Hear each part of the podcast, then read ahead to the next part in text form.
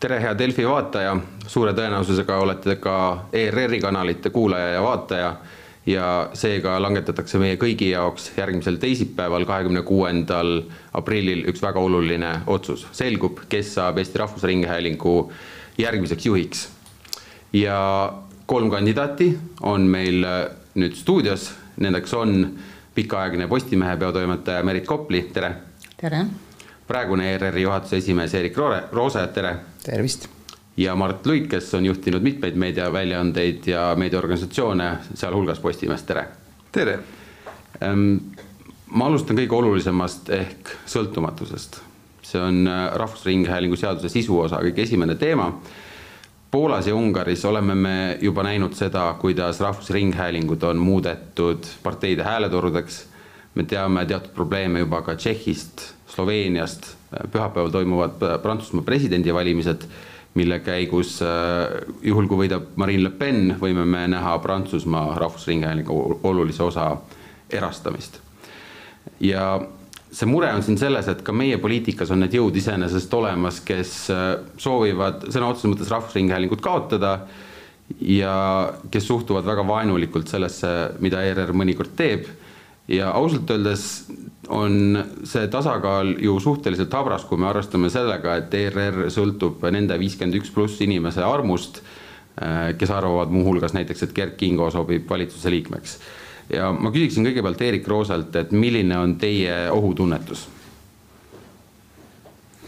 no ma arvan, me ei ole kaugeltki sealmaal, mis oli loetelus seal Ungarid või, või, või, või, või mis iganes loetelud, et et äh, ma ei, ma ei ole kursis lõpuni Ungariga, aga seal, seal ei ole isegi küsimus ju ainult selles sisus, et seal ongi see, et et ähm, kohalikule rahvusringhäälingule kõrvale jättes on on valitsus võtnud noh, nagu kogu meediasfääri enda alla, nii et seal seitsekümmend protsenti kogu meediasfääris katab tegelikult noh, valitsus ja tema seotud väljaanded, et see, see on nagu juba noh, matemaatiline probleem, et ma isegi sisusse ei läheks, et, et nii et ma arvan, et meil on see suhteliselt hästi sarnaselt ka Läti ja Leeduga, mulle tundub, et loomulikult kuna Eh, kuna meil ei ole mm, lõpuni sõltumatut rahastamist, noh nagu, nagu küsimus oli, et viiskümmend üks, viiskümmend üks häält ja, ja muudame mida iganes, siis, siis see on eh, potentsiaalne probleem ja seda tulebki adresseerida seda me oleme tegelikult, ma saan aru, et kõik on seda tegelikult teinud, et see on nagu, siin me oleme suhteliselt ühel seisukohal, et, et rahastamise eh, teatav, teatav korrastamine peab sündima, kas see sünnib nüüd ühel või teisel või kolmandal moel, see natuke on tehniline küsimus, aga isiklik minu eelistus on see, mis on Leedus, et seal on seotud see teatava protsendiga või, või, või null koma või ühe koma protsendiga eh, eelmise aasta teatud maksulaekumistest, nii et see nagu ankurdab selle lahti, lahti sellisest, et noh, see, see, see saatejuht ei meeldinud ja siis andsin, andsin raha vähem või võtsin vähemaks ja see ei meeldis, nüüd paneme raha juurde Neid valdkondi on väga palju, kellele meeldiks, kui oleks ankurdatud mingi protsendi külge. ja aga see on, aga see on, see on selline pseudohirm ja niisugune, mina ütleks poliitiline demagoogia, et ega päeva lõpuks me võime igale, igale ka haigekassale arvutada, mis see protsent on. Ja siis öelda, et see on ju selline, et, et see, et, et me, et rahandusministeeriumi ametnik väldib kategooriliselt mingit tehet ja ta jätab mulje, et ta matemaatikatunnis ühe tehte nagu õpeta, õppimata jätnud, et tegelikult see, see, see on, see on selline äh, pseudohirm, tegelikult me ju keegi ei kujuta ette, et, et me ütlemegi, et nüüd võtame pool raha ära, no ei võta nõukogust, nõukogu liikmete seast ei ole paista mingisugust ohtu ERR-i sõltumatusele, katset seda mõjutada? viimase viie aasta jooksul on, ma ei julge praegu isegi numbrit öelda, aga ainult üks, üks nõukogu liige hetkel, Marika Tuus-Laul, kes on sama, kõik muud on kas üks või kaks korda vahetunud, nii et, et siin peaks eraldi saate tegema viieteist või kahekümne nõukogus, sealhulgas ka Mart Luik, kes kunagi nõukogus, et kindlasti tuleb küsida ja rääkida, et, et, et et ma üldistada ei julge, väga erinevaid ideid on olnud, aga ükski selline, kaasa arvatud see rahastamise küsimus, pole saanud nagu piisavat konsensust Mart Luigeste nõukogust rääkides, et ma saan aru, et nõukogu ei julgenud teilt küsida ühte küsimust, mille ma nüüd küsin siis ära, et kas ERR-i juhiks sobib inimene, kes alles paar aastat tagasi oli partei väljaande peatoimetaja? Ehm, ma arvan, et äh, ERR-i juhatuse esimehel on samasugune põhiseaduslik õigus olla poliitiliselt ennast määratlenud mingis, äh, mingis eluetapis ja ja aga tal ei kõlba seda muidugi teha, seda ametit pidades, kuigi tõsi, on ajaloost teada ka juhtum, kus erakonna liige on olnud ERR-i äh, juhatuse esimees ja äh, pean siis silmas Margus Allikmaad ja, ja see põhimõtteliselt ei, ei olnud suurem probleem, aga, aga eks need ongi ajad on muutunud, kui me vaatame näiteks Anvar Samost, vahepeal oli poliitikas, siis läks ajakirjandusse tagasi, enne poliitikat oli ka ajakirjanduses. seesama Anvar Samost, kes on ERR-i uudistejuht praegu. just, et, et see tegelikult äh, ei ole nii ortodoksne enam kui võib-olla paarkümmend aastat tagasi, et, et vastus on, et poliitikast distantseeruna muidugi, muidugi mm, peab distantseeruma selles rollis igasugusest päevapoliitikast, aga eh, erakondlik taust iseenesest ei peaks olema nii-öelda karistus, mille arvel ei saa selles töös osaleda. aga teie ohutunnetus, kas? selle ohutunnetuse kohta ma tahaks öelda, et, et minu meelest ma, ma ei tea, ütleme Poola ja, ja Ungari ringhäälingu seaduse nagu struktuuri ja olemust, et kuidas see on, kuidas see on korraldatud. aga meil on ka valitsuskoalitsioonidel ikkagi põhimõtteliselt üsna keeruline võtta ERR-i oma kontrolli alla nii-öelda, kui keegi peaks seda tahtma. ja see tuleneb juba sellest äh, sellest äh, seadusesse on see kõik, see struktuur on väga, väga kavalasti hästi sisse kirjutatud, võtame näiteks juhatuse esimehe valimise, eks ole, seal on ülikõrge lävend, seal on vaja saada kaks kolmandat hääli, eks.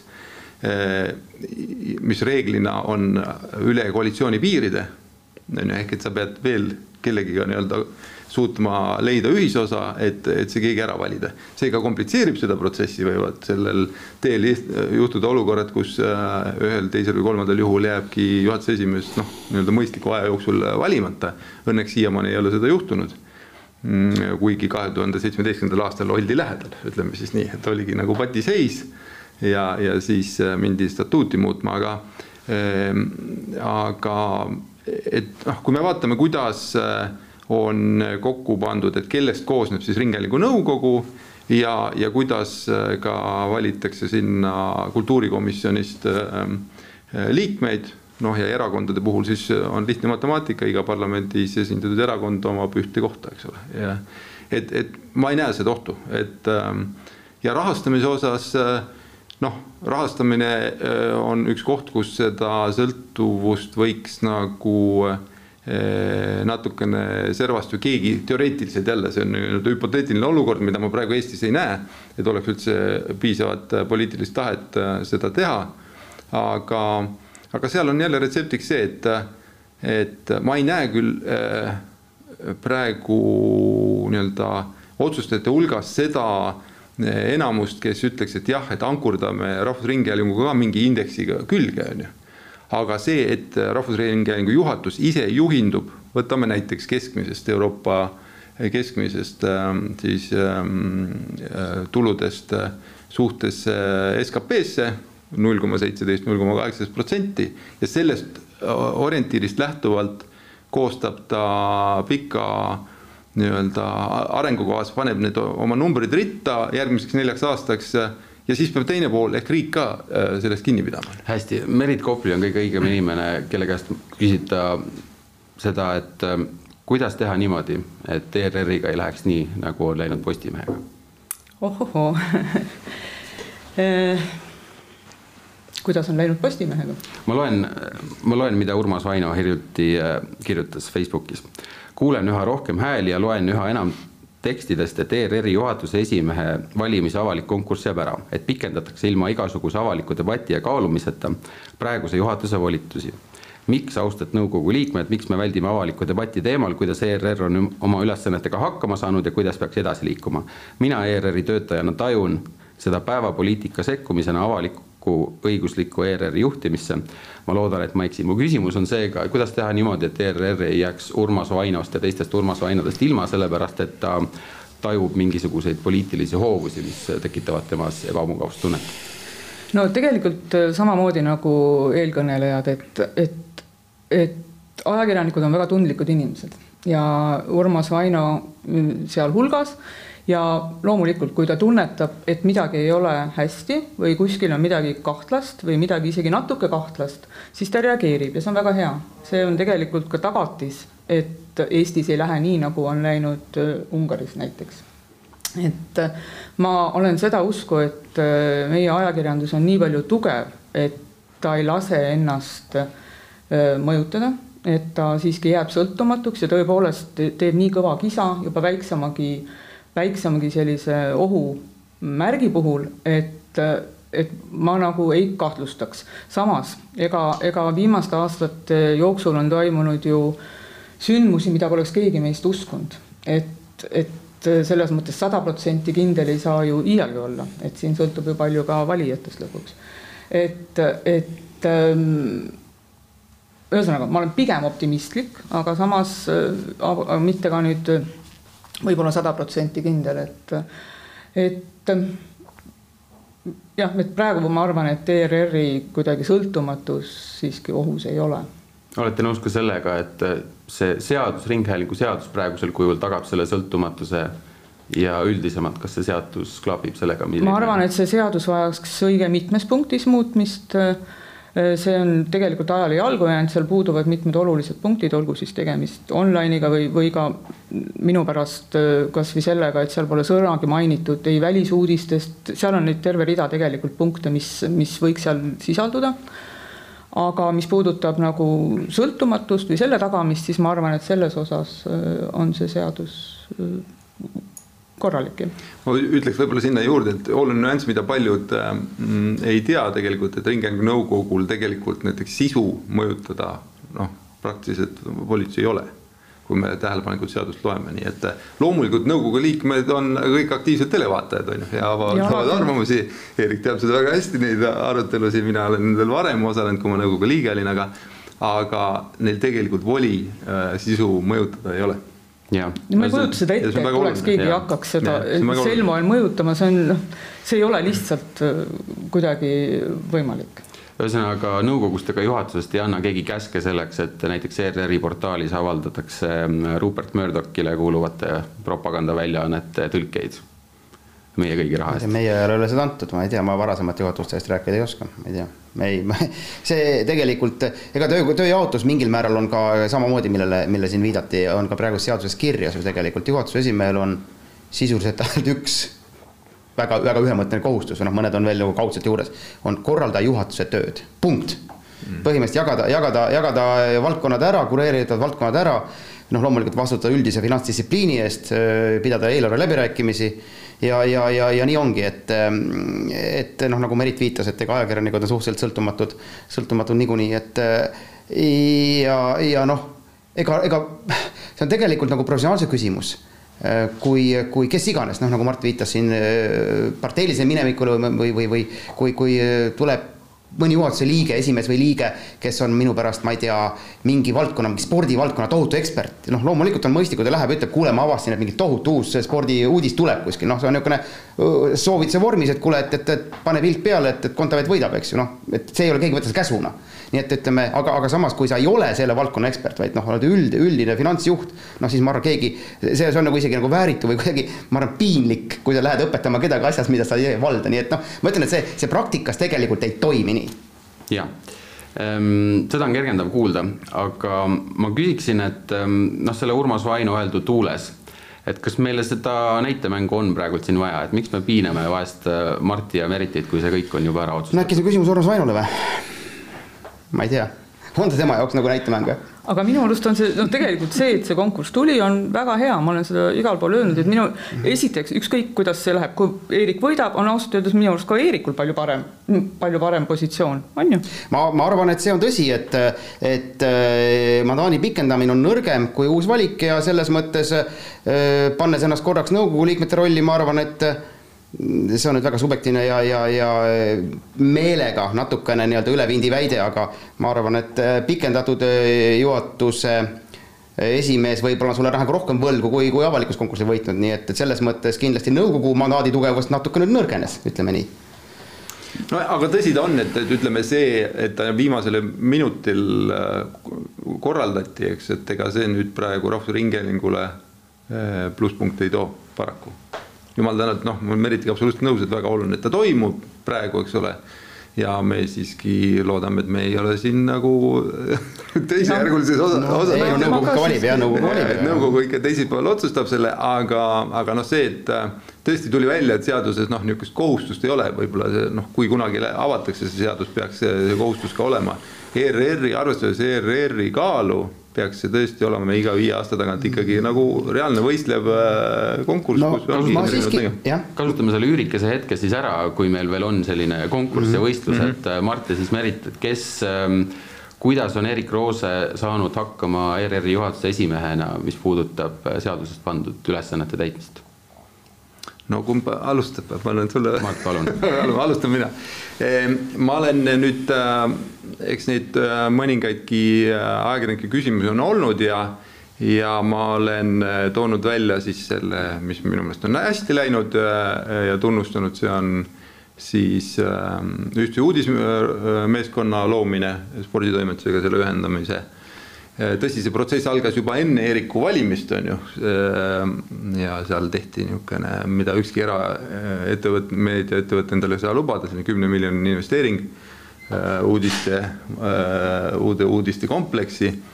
aga see selleks, aga sealt edasi sammud nagu veebi, veebi prioriteetsuse nagu esiletoomiseks oli väga õige Äh, seda enam, et noh, peame silmas, et ähm, Rahvusringhääling oli tegelikult erameediast kõvasti maas, on ju, selles, äh, selles arengus.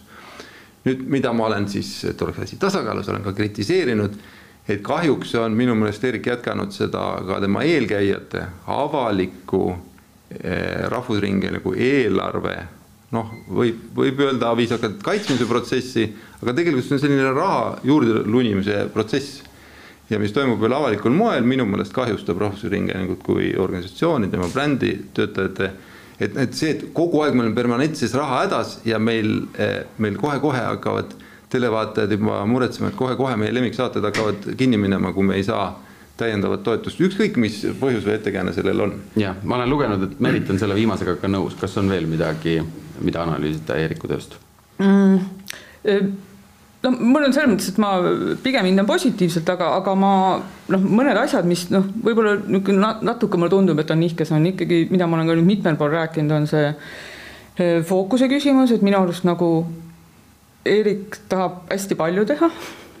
et, et hästi palju ja kõik see kuidagi kipub nagu killustuma, et see tegevus, et, et võib-olla see on palju väga häid asju, Jupiter sealhulgas näiteks tõesti, eriti Saksamaal elades ma naudin Jupiteri nagu väga.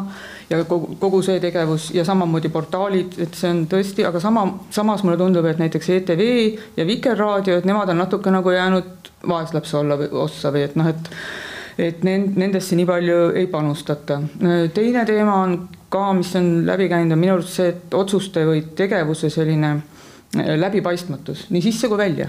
Et, et ei, ei tea eestimaalased, ma pakun, mida ERR teeb või mida ta mõtleb ja miks ta midagi teeb? Ja mulle tundub, et ka majasisene kommunikatsioon, et et samas ma pean ütlema, et ETV programm on noh, tõesti sedavõrd hea, et täna hommikul Raadio kahes küsiti, et millal ma, mida, kuidas ma tarbin erameediat, ma pidin ütlema, et ma ei ole tõesti vaadanud üldse, ma vaatan ainult ERR-i ja ma saan sellest absoluutselt kõik kätte või ETV-d. et, et selles mõttes nagu on head ja on, on sellist, mida võib-olla teeks teisiti ja teeks paremini on see kriitika adekvaatne? noh, ta on äh, kõrvaltvaataja pilguga ilmselt objektiivne, aga, aga võib-olla mitte, ma arvan, pigem ütleme, see on seotud natuke ka sellise, et kui äh, esiteks aitäh komplimendi eest, et kõik on, kõik plaanid on täpselt nii olnud ja see on nagu muideks ka visioonidokumendis kirjas viis aastat tagasi, kui vaadata, see on nagu ära tehtud, eks ju, kõik asjad, nii et ei ole päris nii, et ei ole nagu juttu olnud või mis iganes, et, et minu meelest aasta tagasi teie kolleeg Sul Vedler kirjutas, et noh, et nagu väga palju juttu ei ole, aga tundub, kui võtsime dokumendid ette, siis Roose tegi mis kõik, mis lubas, on ju. nii et tõepoolest, et vaatajanumbrid on rekordilised, loomulikult sinna aitas kaasa ka meie kriisid, eks ju, nii oli see koroonakriis esimene, kui nüüd ka eh, see jube Ukraina sõda. aga tegelikult, tegelikult ikkagi märtsi numbrid jälle on taaskord uued rekordid nii eesti kui, kui, kui vene keeles eh, eeskätt televisioonis, aga ka, aga ka teistes nii-öelda kanalites. nii et jah, tõepoolest, et võib-olla võib-olla me nagu, ma natuke utreerin, vabandan ette-taha jälle, aga aga noh, võib-olla me enne Õnne kolmeteistkümne ei loe ette, et mis just seekord saab, saama hakkab, eks ju, et vaataja peabki ise nagu vaatama, et kui Meritit natukene ma ei mõelnud seda. ei, ma saan aru, aga Merit aga... ütleb seda, et ETV esimene kanal on eelarves kaotanud, ma mälu järgi ütleks umbes äh, kaks miljonit on ju äh, selle viie aasta jooksul, et see raha on liikunud kuhugi mujale. ma ei, see, seda numbrit, mul numbrid ees ei ole, ma, ma kindlasti nii ei ole, võib-olla seal on ka mingi metoodikate küsimus, aga, aga ETV on jätkuvalt kõige pikalt kõige suurema eelarvega nii-öelda kanal ERR-is. ja, ja noh, objektiivselt nagu see peabki nii olema, sest seda ongi kõige kulukam teha, eks ju, telet, aga aga, aga tõepoolest tegelikkuses on natuke see, et tele noh, mida, mida ilmselt ka Mart teab väga hästi, on, on on ikkagi kõige kapitalimahukam võrreldes ka veebi või, või raadioga ja selle tõttu, selle tõttu ütleme, seal on see lõtk või, või ütleme, teoreetiline puhver kõige suurem, et jätad ikkagi ühe suure saate ära ja sul kohe ongi mingi ju päris korralik klots, jätad raadios saate ära, noh, sain kolm tuhat eurot miinuskäive, eks ju. nii et ütleme ikkagi tõsi on see, et mida on öelnud ETV enda peatoimetaja mõni aeg tagasi, et, et sisuliselt programmi jaoks ei ole kümme aastat raha juurde tulnud. sellepärast, et mis, mis on nagu olnud praktika poliitikutel või, või ütleme, rahastajatel siis noh, vaatame, vaatame ERR-i nagu täpselt igasugust teist riigiasutust, organisatsiooni ja hea uudis, kaks protsenti palgafond suureneb. no kaks protsenti palgafond, esiteks nagu palju õnne, nagu väga palju rikkaks ei tee, see oli mu selle aasta number. et, et oleks selge, selge näide. mis oli inflatsioon, mis oli elektrihinnad, kõik teavad, eks ju nii et, nii et ja siis öelda, et aga me ju andsime raha, noh, et see nagu on õõnes, eks ju, et selles mõttes sisuliselt ja mis on, mis, mis juhtunud on või mis me teinud oleme paraku, ongi see, et ja, ja väljast vaadata, vaates võib see sellist meriti tunnet, et, et kõiki asju seletada detailideni võib natukene nagu tekitada, sellepärast me oleme kõikides nii-öelda väiksemates programmides, kanalites, noh, ega Vikerraadio, Raadio kaks, Raadio neli, nad töötavad ikka nii, et noh, et meil on enam-vähem nagu pastakad ja telefonid arvel nii et, et sealt nagu, eh, seal midagi kärpida nagu väga ei olegi, et, et selle tõttu ongi ETV on kõige suurem puhver, kus see liikumine on ja see kohe paistab ka silma. nii et, et selles mõttes, eh, aga nüüd selle läbipaistvuse kohta viimane lause on veel see, et, et ma ütleksin, et eh, noh, seda millega võrrelda, et ma, ma veel kord ei, minul pretensioone ei, ei Margus Linnamäe ega Ants Luige suhtes, aga Delfi ega Postimehe nagu detailset aruannet pole mina lugenud, on ju et eh, jah, tõsi küll, Express Grupp annab, kuna ta on börsiettevõte, mingi üldnumbrid mm, -hmm. aga noh, ütleme Läti, Leedu ja vaata, et Kaliningradis ikka väga segamini, vahepeal oli Valgevenes ka mingi afäär vist Vansul. et selles mõttes nagu, nagu sorry, noh, ERR on sellega võrreldes ikka läbipaistev nagu allikavesi. ta peabki olema, ta peab ei, olema. ei peabki, ei, ma ütlen veel kord, aga lihtsalt ma tahan võrrelda, et noh, kui, kui palju veel, et tegelikult veel kord, meie eelarved, meie aruanded, kõik on ikkagi veebis olemas, noh, see on see. kus on kirjas, kus on kirjas see summa, kui palju te saate kokku erinevatest projektitoetustest keskkonnainvesteeringute? vähe sellest, isegi need projektid ühekaupa on meil veebis olemas, kui keegi aeg-ajalt viitsiks tööd teha, natuke on tööd vaja teha, vabandust, aga noh, palga eest võib teha, et põhimõtteliselt või õhtul, kui und pole, need kõik projektid, ma arvan, neid on noh paarkümmend, kolmkümmend aasta jooksul. jumala eest, no tõesti, kui, kui, kui see jõu käib üle jõu, noh, siis ma annan sekretärile käsu, ta võib ise ära noppida, sest need on olemas, lugege kokku. ma tõesti ei ole kindel, kas ma nüüd kuskil, kas kuskil see summarida on, seda võib-olla ei, ei ole. vaat seda ei ole välja toodud. no ma tuleb ise arvuta natuke. ma toon siin kontrastiks BBC kus põhimõtteliselt on veebist võimalik leida juhatuse liikmete rongipiletid äh, naaberlinna, on ju, kui nad on lähetuses olnud, vot see on, see on nii-öelda läbipaistvus. mina olen tohutu fänn, mina tahaks, et kõik palgad oleks avalikud. kohe teeme hääletuse, kas, kas kõik on poolt või, või poliitiku no mina kõik olen poolt. praegu avalikus ametis, minu palk on, on Delfis leidnud kajastamist korduvalt, aga aga mis ma tahtsin äh, läbipaistvus ühe nagu väga silmanähtav, rongipiletid jätame rahule, aga on see, et et Erik, et seleta ära, et miks ERR näiteks ei taha lasta oma veebiportaalide eh, kasutajate arvu võrreldavalt esitada eh, erameediaga, sest tegelikult see on meie maksumaksja raha. erameedia, erameedia isegi ei võrdle. kas Postimees esitab? Postimees esitab. Postimees tõmbas ka nüüd teksti välja, aga ERR. kui palju loetakse ERR-i portaali? väga palju, iga päev erinevalt. mis perioodi mõtleme?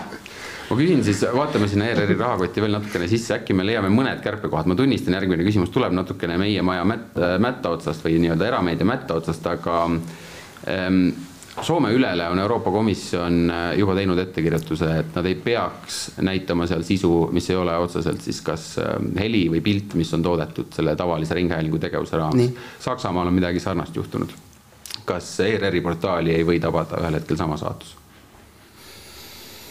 Oh, see on natuke pikem jutt, aga ma katsun olla hästi lühike, et tegelikult Saksamaal seda protsessi pole olnud, seal on juba aastaid olnud ise niisugune omavaheline juba kokkulepe, Merit võib-olla teab, kas on seadustasandil kuidagi muidu, aga, aga seal nad ei, nad ei tee üldiselt äh, avalik äh, õiguslik ringhääling, neid on seal mitu ja, ja veel maakondlikud nii-öelda föderaalpiirkondade omad, et nad lihtsalt on kokkuleppel erameedia väga jõulise lobiga juba aastakümneid tagasi tegelikult ennast ise nagu kärpinud eh, veebitegevustes, see on nagu Saksamaa pool.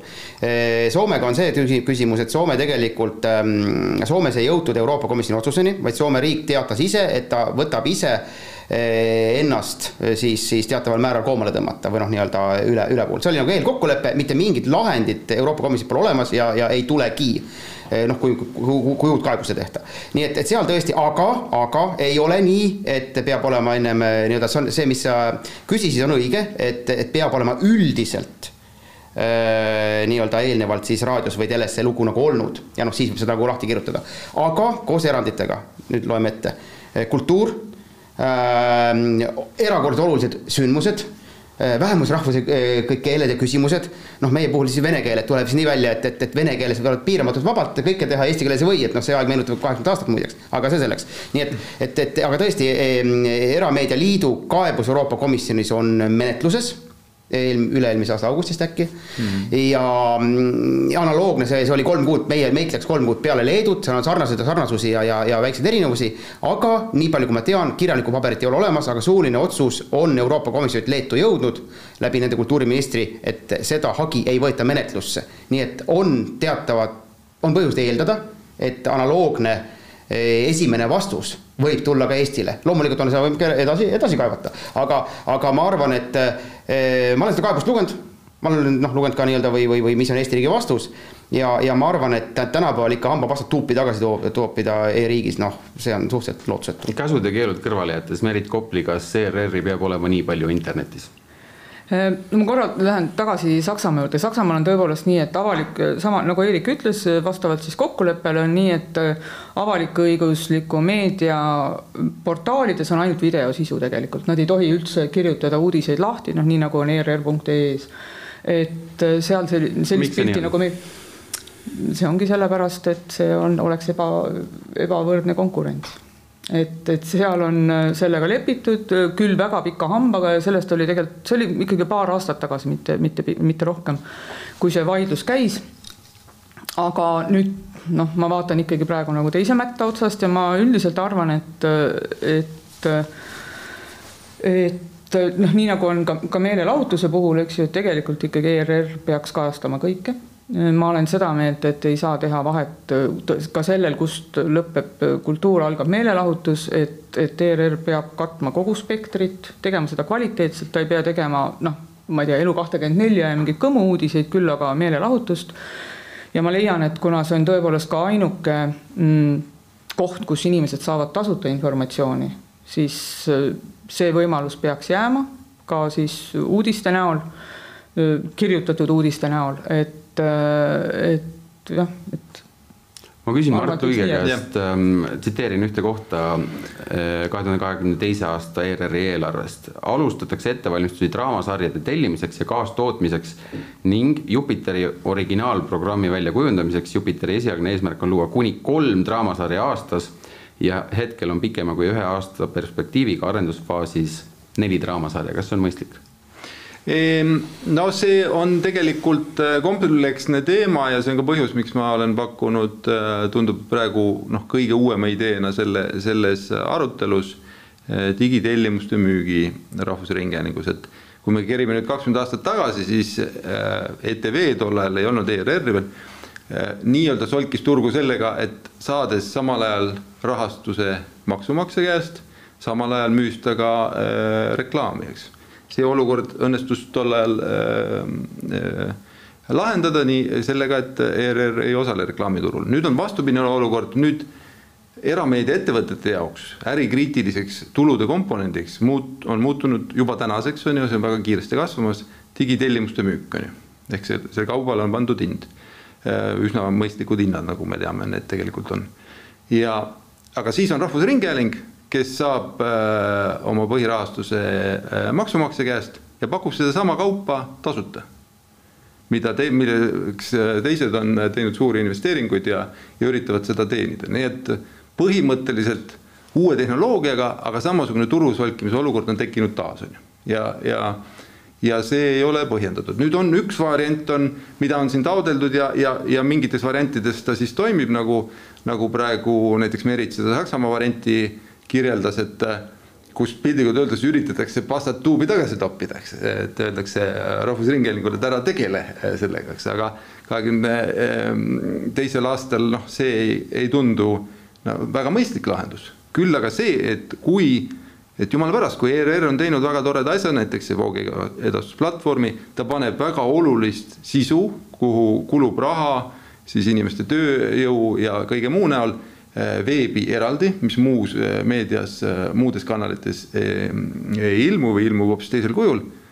aga siis selle eest võiks ka küsida digitellimusi ja samal ajal muidugi see operatiivne tegelikult uudiste edastamine veebis mida enamus kasutab, eks on noh, see jääks avatuks, aga ega ta tegelikult on ka erameedias, sa saad ikkagi nagu esmatasandi uudised saad kätte ilma piletita, ütleme siis nii kas niivõrd ambitsioonikas Jupiter, arvestades kõiki neid raskusi, mis äh, rahastuse taotlemisega, juurdesaamisega tekib, kas see ei ole natuke liiga suur tükk?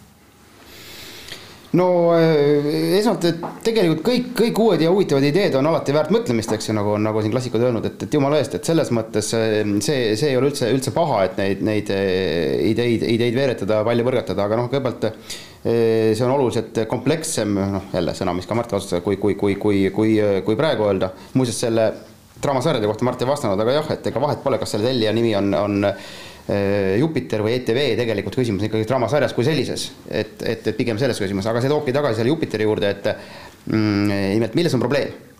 tegelik probleem on selles, et ja see on, ja ilmselt paraku on jõudnud kõik pealt viiskümmend kolm, noh, kõik ei tee, kõik ei tee, ma ei tea, Liibüa ja Liibanon ei tee, aga aga, aga, aga viiskümmend kolm on EBU liiget ja, ja ütleme, Euroopas võib-olla vähem, vähem, pooled umbes, umbes nendest on kõik tasuta nii-öelda voogedastusega ja ilmselt seal on mingi põhjus ja nii palju, kui mina tean või noh, meie vaatuse põhjus on selles, et sel hetkel neid, neid voogedastuse nagu nii-öelda printsiipe on erinevaid noh, seal on omad nimed, akronüümid seal, meil on FVOD ehk siis vaba või free, free video, video on demand. on ka SVOD ehk siis subscription based, tele, tellimus based, on advertising based, on veel, veel paar, paar nüanssi. ja iga nendega, kus sa küsid raha, sellega on hanke partneritel on täiesti teine asi.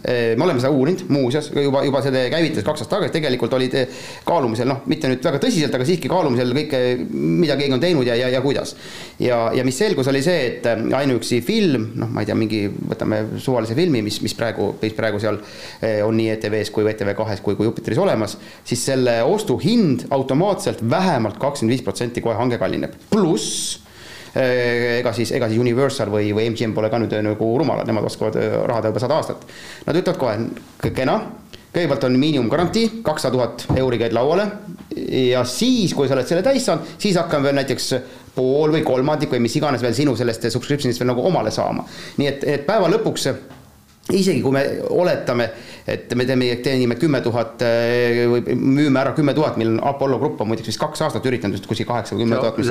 võrdle, võrdle. ei, ei, seda küll, seda küll, ei, nemad teevad head tööd. Postimehe, Õhtulehe, Äripäeva. ei, ma räägin Jupiteri sisust, ma räägin Jupiteri sisust, sa räägid juba nagu online'ist vist. see on nagu hoopis teine teema, et, et, et, et noh, siiski sa ikkagi tulid välja, et Jupiteri müüa, online on täiesti eraldi, online ei puutu Jupiteri üldse osa ja, sellest tellimust. jah, mis ma, mis ma öelda tahan, on tegelikult see, et nii, nii äh, online uudiste kui ka videoportaalide või, või, või, või streaming portaalide äh, per capita, per inimene on Eesti tõenäoliselt maailma liider juba praegu, et noh, minu küsimus, et mis probleemi me lahendada lähme, ma saan aru sellest, sellest äh, Mardi nagu teoreetiliselt võib-olla isegi täitsa nagu mm, no arutletavast loogikast, et jah, et, et vähendame siis nagu mingit turutõrget või ütleme, viime õiglaseks turutõrke. ma pean kahjuks kurvastama, et et ma olen siin suhteliselt enesekindel ja väidan, et meie tiim on nii tehnoloogia kui, kui, kui Jupiteri kui, kui teised on niivõrd head et eh, mõne aja pärast võtab ka eh, Netflixi nimeline kooperatiiv siin Euroopa Komisjoni ukse taha ritta, et kuulge, et, et paha lugu, me ei suuda enam üldse müüa, sest nüüd müüakse siin, müüakse siin Jupiter ja teised müüvad ka, on ju. nii et tegelikkuses ma arvan, et eh, kui see idee üldse kuidagi teostada siis lihtsalt me vahetame nagu ühe uue probleemi vastu selle asja. nii et veel kord, kõik on võimalik arutada, aga see on väga hoolikalt tuleb kõik, las on läbi kaaluda, on see minu sõnum. siis maksab ju maksumaksja põhimõtteliselt kaks korda. ja nii ongi, ja nii ongi ja see ja mina näen seda probleemi. Eh, kui sa vaatad nüüd ERR-i seadust, on ju, siis maksumaksja pole üldse tellinud Jupiteri, oleme nüüd täpsed, on ju. see ei ole ka tegelikult tõsi. ta pole seda tegelikult üldse see ei ole tõsi. seal on nüanss ka muidugi selles, et seadus on aastast kaks tuhat seitse, eks ole. seadus ütleb, et kõik programm ja sisu peab olema eh, kõigi tehnoloogiliste kanalitega kaudu kättesaadav, ma nüüd peast tsiteerin, aga umbes niimoodi. No aga vabandan, kaks tuhat seitse ei olnud veel voogedastust, isegi Netflix ei olnud olemas, ta oli siis odavate videokassettide laenutusse kompanii Ameerika eesrinnas on ju. nii et selles mõttes aga seda me oleme rääkinud ju viis aastat ja veel tükki rohkem. seadus tuleb värskendada, minu meelest me oleme kõik ühel moel, et see ei ole ainult raha, see ei ole ainult see eh, veebi küsimus. minu meelest üks, äkki isegi Mardi erakonnakaaslane vist oktoobris eelmine kord tuli, tuli seadusealgatuse järjekordse variandiga parlamenti ja, ja, ja, ja Mart oli ise tagasi lükata kohas. Te olete valmis minema taas valitsuse juurde raha küsima, kui Netflix peaks oma juristidega uksele koputama? no see, see kõige koputamist selle juba eeldusel, kui me, kui me hakkaksime tohutu massiivselt edukalt seda müüma, et kus me täna kindlasti ei ole, nii et et aga täna on küll niimoodi, ega ERR, ega probleem, kui Euroopa Komisjoni nii-öelda eh, protsess või menetlus käib ega ERR ei ole seal osaline, osaline on Eesti riik mm., kellelt Euroopa Komisjon küsib, kas te, kas te, ega te ei osuta ometi kõlvatut riigiabi, selles mõttes mina ei pea kuhugi minema ma ainult muretsen natukene ministrite töökoormuse pärast. aga sealt võib tulla vastus, et äh, osutab Merit on tükk aega Saksamaal elanud ja kindlasti teab, kui tähtis võib olla jalgpall ähm,. Oh jaa. suurest jalgpallist suurem enamus on ETV-st läinud, vähemalt aastani kaks tuhat kakskümmend kaheksa, see on siis kõik koondise mängud, vähemalt kaks jalgpalli EM-i ja sõelale on jäänud siis veel kahe tuhande kahekümne kuuenda aasta, kahe tuhande kolmekümnenda aasta jalgpalli MM-i ülekandeõiguse äh, saamise katse, mis ma saan aru, sel aastal mingi hetk äh, laheneb, et kas selles olukorras, kus enamus sellest on niikuinii läinud, on ERR-il mõtet pingutada selle nimel? ma arvan, et on muidugi noh, selles mõttes, et ma praegu ei tea ju midagi summadest, eks ole, et pole aimugi. Aga, aga noh, üldiselt ma olen muidugi seda meelt, et suured spordivõistlused võiksid ja peaksid olema ERR-is, aga noh, kui see olukord on praegu sellise oksjoni vormis, siis iseenesest on see noh, keeruline, ega sa ei saa maksumaksja raha, sa pead siiski tõesti mõistlikult majandama, et siin noh piir on ees lihtsalt, siis pole midagi teha, kahju on. aastaks kaks tuhat kakskümmend kuus on needsamad voogedastuse äh, võimekused inimeste telerites, milleks, äh, mida on ka Jupiteri jaoks vaja inimestel ilmselt olemas ja nad saavad Viaplay kaudu vaadatud selle jalgpalli jah, ja tegelikult ongi tõsi, on see, et äh, küsijate ütlemata, et tegelikult see oli ju Eesti turule hiljuti või eelmine aasta tulnud siis Nent Grupi või Viaplay, Viaplay siis tegelikult äristrateegia. ta ostis meie vaates, isegi meie erameedia vaates ulmeliste hindadega, no pange null enam-vähem juurde mm, -hmm. natuke lihtsustan, kokku massiivselt spordiõigusi, praegu käib muideks ka olümpia osas täpselt samasugune protsess tulevikus. Äh, jalgpall, korvpall, minu meelest jäähoki, mida iganes, kõik, kõik, kõik, kõik võetakse, minnakse samas võib-olla ka kohalike liigade peale, kuigi noh, Eestis kohalikud liigad on lihtsalt üsna, üsna nii-öelda mitte nii vaadatavad kui võib-olla Saksamaal ja, ja, ja, ja, ja Skandinaavias ja Inglismaal, aga tegelikult seda tehakse, selle eest loomulikult eh, tekib kriitiline mass ja kõik spordihuvilised peavadki selle üheksa eurot või, või, või tulevikus tõenäoliselt viisteist eurot, mis on praegu Netflixi hind, eh, ilmselt maksma ja lihtsalt osa näeb. et aga ma olen noh, sellega eriti ka nõus, et noh, ilmselt meie oksjonile minna ei saa, kasiinosse ka mitte, üks riigiametnik kunagi kasiinos käis, noh ei lõppenud hästi, eks ju.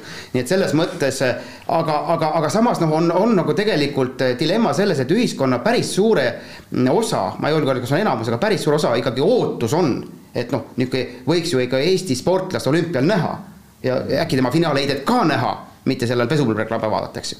nii et äh, mis ka juhtus, kui keegi mäletab. nii et nüüd ütleme, ütleme siin, siin on, siin on nagu selles mõttes äh, väljakutset palju ja, ja mina tahaks, et äh, siin on ka kolleeg Peep Pahv siin kogu korvpalli teemal hiljuti seal võttis sõna. et ma arvan, et siin me oleme tegelikult ähm, täiesti üksteisele võlgu ühte suuremat sorti arutelu üldse pikemat arutelu ainult sel teemal, et kuhu need suurvõistlused lähevad, palju me vaadata tahame, palju maksumaksja eest maksta tahab. et, et praegu nagu natukene on see teema, et ehm, öeldakse selle Venemaal ütleb sport ja poliitika pole seotud, vaadake, kes on EUK-s kõik need mm. asjapulgad, kõik on poliitikud ju, väga on seotud et, et iga, iga, iga poliitik ütleb, et noh, see on minu sulgpall, ma ei tea, kes seal on, vabandust, ma toon näite. või minu kurling on väga oluline, ei no mis saate ise korra suusatamine viimasel ei, ei lenda, eks ju mm. -hmm. nii et ühesõnaga tegelikult see vajab nagu äh, laia ühiskondlikku arutelu äh, ja, ja, ja ilmselt see, kui, kui mõni äh, hargmaine või välismaine selline väga jõukas, jõukas voogedastusplatvorm monopoliseerib kõik suured õigused, ma arvan, lõpuks on meil kõigil probleem et kuidas seda lahendama ei tea. ja, ja ma olen nõus, et see on probleem, aga noh, see probleem tegelikult ei teki ju meil siin, vaid noh, lihtsalt olümpiamängude jalgpalli meistrivõistluste äh, Äh, hinnad on noh, kaotanud kontakti maaga, ütleme nii. Ja, ja, ja, ja sellepärast me selles olukorras on, oli ajad, kus jalgpalli Euroopa meistrivõistlused maksid nelisada tuhat õigused, nelisada tuhat eurot on ju, Eestile praegu ma ei kujuta ette, kas sinna, no sa ütlesid, paned nulli juurde. umbes null vist oli mingi, võib-olla natuke vähem, aga. et äh, ja, ja see on kindlasti selline koht, kus nagu Rahvusringhääling ei saa minna maksumaksja rahaga noh, nii-öelda neid nulle sinna lisama, on ju, et meil lihtsalt. kuus kolmkümmend MM-id pigem loobume. no meil ei ole selle, noh, tõenäoliselt need hinnad tulevad sellised, mida me ei saa ütleme seda, seal on niimoodi, et on võimalik era, ehm, kui ma voogedastuse jätan kõrvale, on ju, see juba näitab juba seda, et reklaamiga Äh, selles vanas ärimudelis ei ole võimalik üldse enam ära rahastada seda, on ju. et äh, reklaamiturult sa enam ei leia seda, eriti olümpiamängud vahepeal toimuvad öösel on ju kell, kell kolm on ju, ei ole väga vaadatav aeg ka. ja, ja õigused maksavad miljon pluss on ju, et ähm, ja noh, vot sellises olukorras tõesti me, me peame olema ikkagi hoolsad selle Rahvusringhäälingu maksumaksja rahaga on ju seesama raha, me räägime siin äh, sõltumata sellest, kas me need spordiõigused saame või mitte, kas äh, töötajate palgafondi priskemaks muutmiseks ka selle kõige kõrvalt raha jätkub? noh, see on ka alati valik, olümpiale ei lähe, aga palka maksame, eks ju, või vastupidi.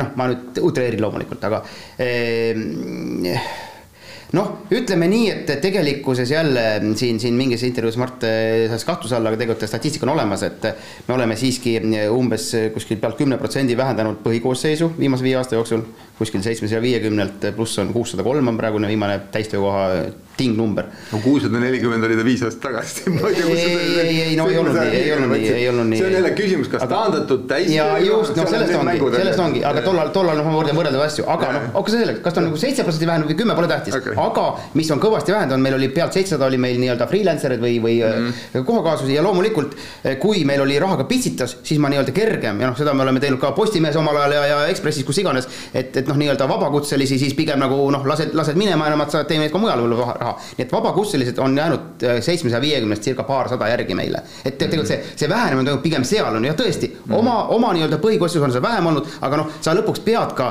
ma olen seda ka öelnud, et, et, et jätame korraks kõrvale ka niisugused staarid ajakirjanikud, seal on televisioonis ja ka raadios on nagu väga palju tagatoas sellised tehnikageeniusi, väga olulisi inimesi, režissöörid, igasugused äh, operaatorid, kõik. ja kui sa need nagu ära lased, siis see know-how kaob ära, siis sa võid seal särada seal, seal ekraanis, aga kui, kui nagu elektrit ei tule, noh siis midagi ei tule. kui suur see palgasurve on, noh, selles mõttes, et kui palju on näiteks kaadrivoolavus, kui palju läheb äh, teistesse meediagruppidesse või teistesse telekanalitesse? ma arvan, et ERR on selles mõttes piiri peal, et me oleme suutnud ka selle väikse mõneprotsendilise parematel aastatel, siin oli vist vist seitse protsenti, mis meile anti, sellega suutis ta nii palju stabiliseerida, et noh, nii nii-öelda lause äravoolu, ärajooksu pole olnud, paremat keeldes hea pakkumine me ei suuda konkureerida, ikka lähevad.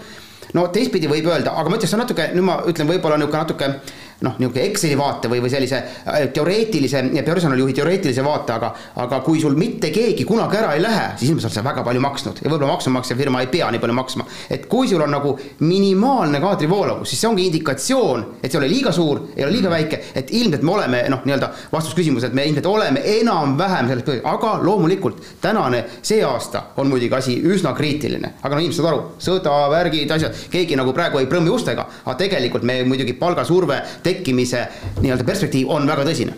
inflatsioon on suur, aga mis see praegune, ütleme loomingulise poole peal Rahvusringhäälingu keskmine palk on, vot see on ka jälle läbi läbi äh,. no kes on loominguline, kas režii, režii no, spetsialist on loominguline või ei ole? meil ei ole enam palju aega jäänud, see debatt on ERR-i keskmine. aga ERR-i, ma kardan, ma kardan, et kuna me seda vastust ilmselt niikuinii ei saa, siis me peame edasi minema, et Mart Võik, milline juht teie olete, millise tundega lahkutakse organisatsioonist, mille juht te olete? See sõltub sellest, mil, mis asjaoludel lahkutakse, et selles mõttes on minu, ma olin, ütlen siiralt, ma olin täiesti inimlikult solvunud Ekspressi pealkirja peal on ju, et kus mind tembeldati lammutajaks on ju, ja siis viidati mingile episoodile, kus ma mitte ei tegelenud lammutamisega, vaid vastupidi, uute asjade ehitamisega. Et aga selle käigus tõesti paar inimest läksid rusikad taskus organisatsioonist minema, et Eh, ma olen otsekohene, võib-olla elu on mind õpetanud noh, et natuke vähem otsekohene olla, alati mitte nii otsekohene kui Eerik, kes siin eh, rahandusministeeriumi ametnik eh, kahtlustab, et neil ei ole funk-, kuidas see oligi funktsionaalset lugemisoskust ei ole neil. no räägime arvudega, see on selge ju aga, aga seda jah, elus olen õpetanud, aga, aga, aga jah, ütleme, et ma ei, kui on probleem, siis me peame selle lauda panema ja sellega tegelema ja sellele lahenduse leidma. Meelit, mis tundega lahkub inimene organisatsioonist, mille juht teie olete? ma arvan, et hea tundega, täitsa siiralt, et, et ma olen ka otsekohene, aga ma olen, ma arvan, ka inimlik ja empaatiavõimeline ja ma öö, olen inimeste inimene ja ma tõepoolest hoolin inimestest nii et ma arvan, et lahkuvad hea meelega, hea, mitte hea meelega, hea tundega, vastupidi, halva meelega, hea tundega. Mis tundega on lahkunud keskmine inimene viimase viie aasta jooksul, kes ERR-ist on lahkunud? ma, ma pikendaks seda oma, ma olen olnud äh, erinevatel äh, positsioonidel tegelikult äh, palju kauem kui ERR-is. Ja, ja mul on päriselt siiralt, tuleb ka kontrollida, on, on päris mitmed öelnud, et kes on kas ise ära läinud või ära läinud, et, et tegelikult ma alles tagantjärgi sain aru, et tegelikult oli kõik nagu päris hästi et alati selle, ma arvan, ma olen Mardiga nõus, et noh, mingi hetkel emotsioon ongi alati noh, no ikkagi on valus, kõik on arusaadav mm. -hmm. aga et, et sa pärast mingi ajaraamistikus ja, ja mul on jah öeldud, et enamikel juhtudel eh, jälle, alati on üksikjuhtumid, alati. see on, see on normaalne, aga, aga enamikel juhtudel nagu on inimesed alati nagu noh, ütleme noh, kas nüüd tänutundega, aga sellise, sellise hea tundega meenutas seda aega, mis ta on meil töötanud, nii et selles mõttes ma siiski ütlen, et päris nii ei saa, noh, jälle katsume aru saada, päris nii ei saa. jumal andis ameti, tugitooli ja palun siis pension ja siis enne pensioni, pensioni ka meil ära ei lähe, siis ka töötame ja siis on noh, nii-öelda riiklikud matused. no ütleme, päris see ei sobi.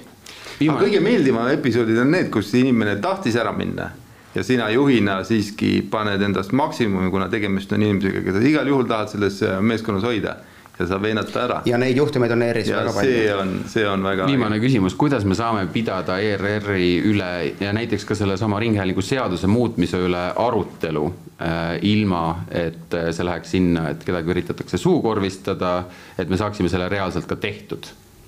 rahastamise üle rahastamise üle või näiteks ka selle Ringhäälingu seaduse muutmise üle, mis, nagu me oleme siin rääkinud, on ajast ja arust?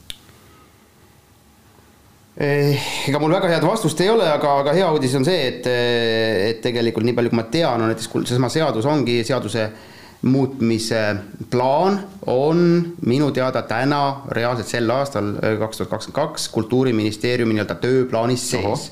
nii et tegelikult see on füüsiliselt seal olemas, nüüd on küsimus, et tulebki hakata noh, koos, koos liikuma Ehm, ma siiski ütlen, et, et ministeeriumi iga üksiku ministeeriumi käed jäävad lühikeseks, siin tuleb jõuda mingi natuke laiema poliitilise konsensuseni.